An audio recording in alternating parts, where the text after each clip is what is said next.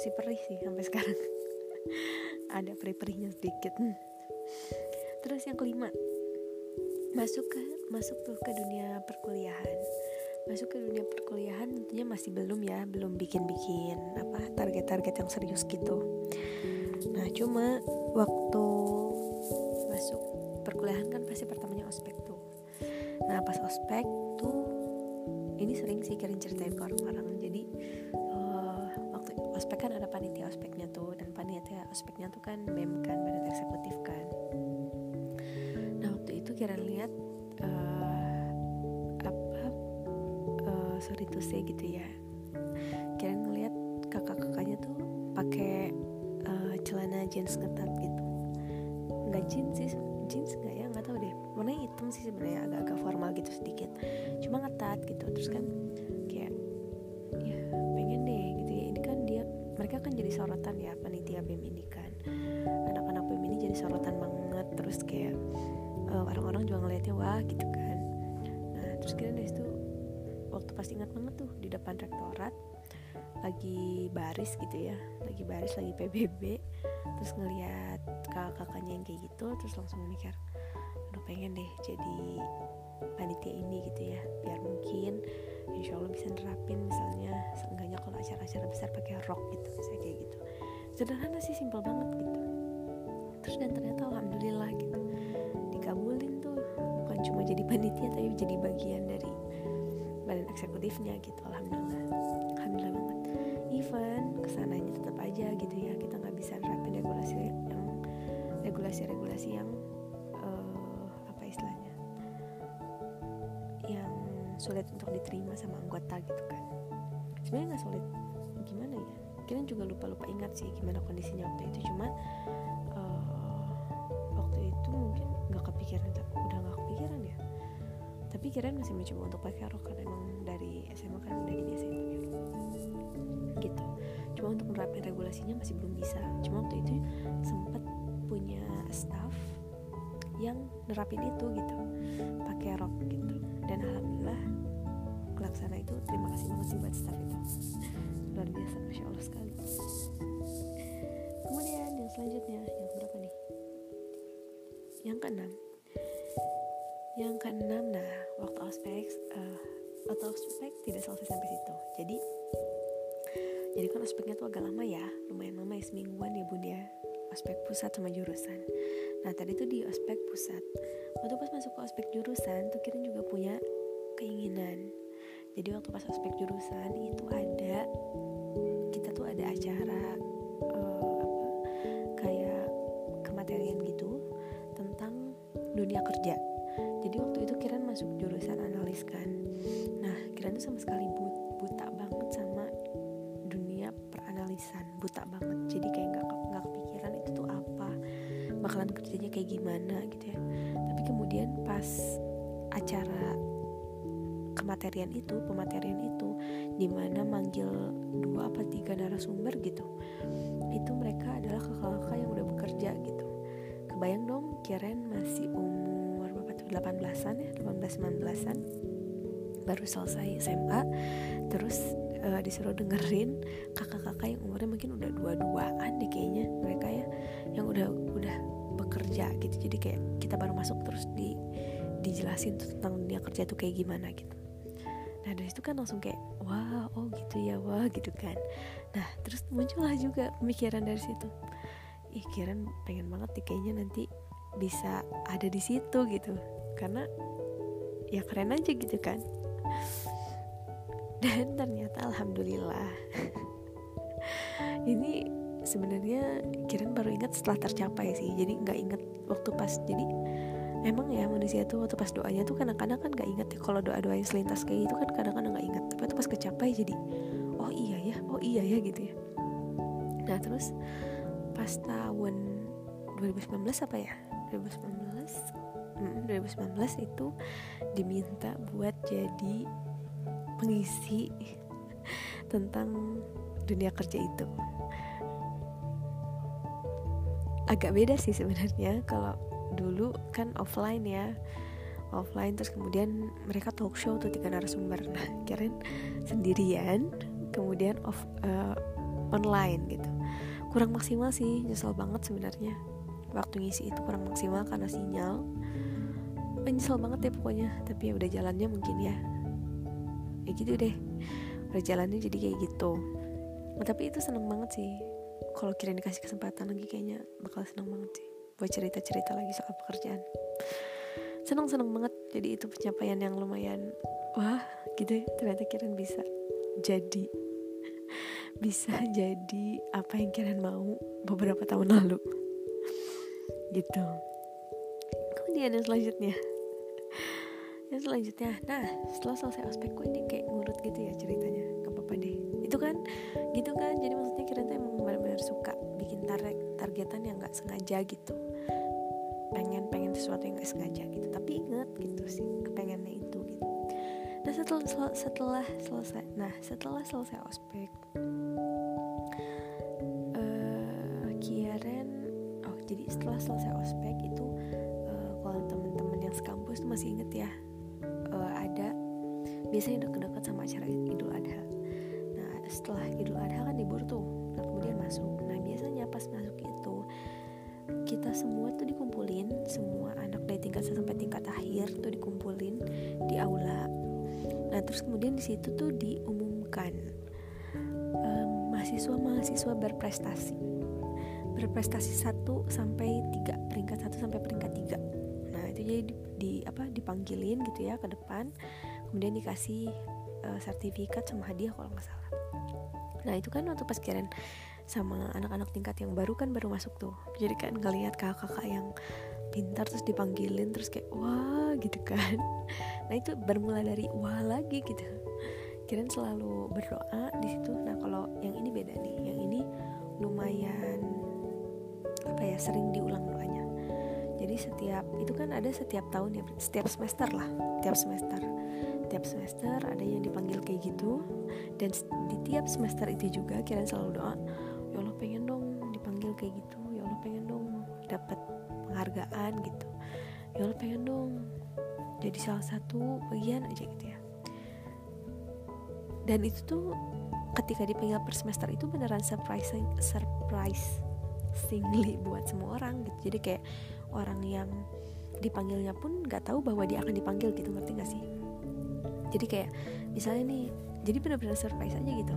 Uh, kelas A misalnya peringkat saat peringkat tiga ini wah gitu kan semua orang tepuk tangan gitu loh pokoknya. Vibing banget lah gitu vibing banget gitu. Nah terus dalam setiap dalam tiap semester itu kita selalu berdoa ketika dipanggil gitu ya misalnya uh, tingkat satu saya tingkat dua deh tingkat dua gitu. Tingkat dua peringkat tiga adalah ini nah kirain tuh di situ udah langsung berdoa gitu. Ya Allah yang peringkat dua nya kirain dong gitu. Atau misalnya uh, apa untuk kelas ini kirain dong peringkat tiganya gitu. Kan nggak pernah doa jadi peringkat satu sih karena kayak kayak agak-agak nggak mungkin gitu ya sebenarnya. Karena kirain tahu uh, apa kemampuan kalian sendiri gitu dibanding sama teman-teman yang lain. Cuma kirain saya doa ya Allah pengen dong ini peringkat sini kirain dong atau nggak tahun ini kirain dong gitu. Dan dari semester 1 sampai semester 6 itu nggak pernah nama Kiran disebut sama sekali doa yang selalu Kiran sebutin tiap semester tuh nggak pernah berhasil nggak pernah tembus gitu. Tapi ya Allah masya Allahnya gitu itu sampai beneran ketika dapat tuh beneran tertakjub takjub gitu ya sampai akhirnya di titik darah penghabisan itu. Waktu pas semester 6 akhir itu ketika sidang akhir yudisium waktu pas yudisium nih yudisium itu memang yang diundang kan bukan anak tingkat 1 sampai tingkat 3 tapi di situ semua lulusan pas tahun itu kan yudisium tuh. Dan ternyata alhamdulillahnya lagi ya Allah benar-benar Allah tuh baik banget. Kira dapat peringkat tiga. Nggak ngerti lagi gak sih? Nggak ngerti lagi nggak ngerti lagi. Ya Allah tuh baik banget. Itu beneran kagetnya luar biasa gitu. Karena bisa bayangin nggak? Ini vibe-nya ya vibes-nya gitu ya. Waktu pas dulu pas idul adha tuh pas beres idul adha itu pas tiap semester itu dipanggil itu dipanggil tuh kayak cuma di aula doang kemudian dipanggil nama. Ya nggak pakai apa-apa tapi dapat hadiah gitu. Nah tapi pas di, di yudisium ketika orang-orang orang semua pakai jas udah mau lulus kemudian ditampilin nama kita di depan uh, apa di depan aula gitu ya dengan satu kondisi yang benar-benar kondusif banget gitu. Allah ngasih penghargaan itu gitu. Apa ya? Kayak doa-doa yang sering disebutnya dari semester 1 sampai semester 6 tuh kayak diakumulatifin dan Allah kasih pas itu gitu. Even cuma ranking 3 gak cuma sih itu ranking 3 gitu loh. Di mana waktu itu kuliah kirain tuh bener-bener berantakan lah kalau bisa dibilang gitu. Karena memang sama sekali gak ngejar akademik kalau mau cerita malah ngejar akademiknya di SMA gitu. Meskipun di SMA juga nggak gitu-gitu banget sih. Cuma uh, waktu kuliah tuh bener-bener apa ya bisa bolos kuliah bisa skip kuliah demi organisasi gitu. Dan ternyata itu gitu Allah kasih hadiah itu. Itu surprise banget sih. Terkejut sekali itu benar-benar lanjut. Itu sebenarnya jadi loncat ya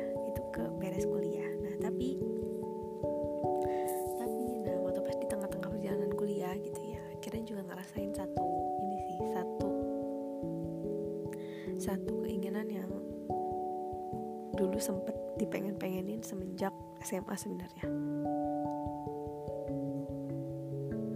Semenjak SMA itu kirain pengen banget nyobain yang namanya debat gitu. Tapi nggak pernah dapet kesempatan karena memang kayak kirain tuh orangnya bukan debaters banget gitu ya. Nah tapi ya alhamdulillahnya lagi Allah kasih kirain kesempatan waktu pas kuliah.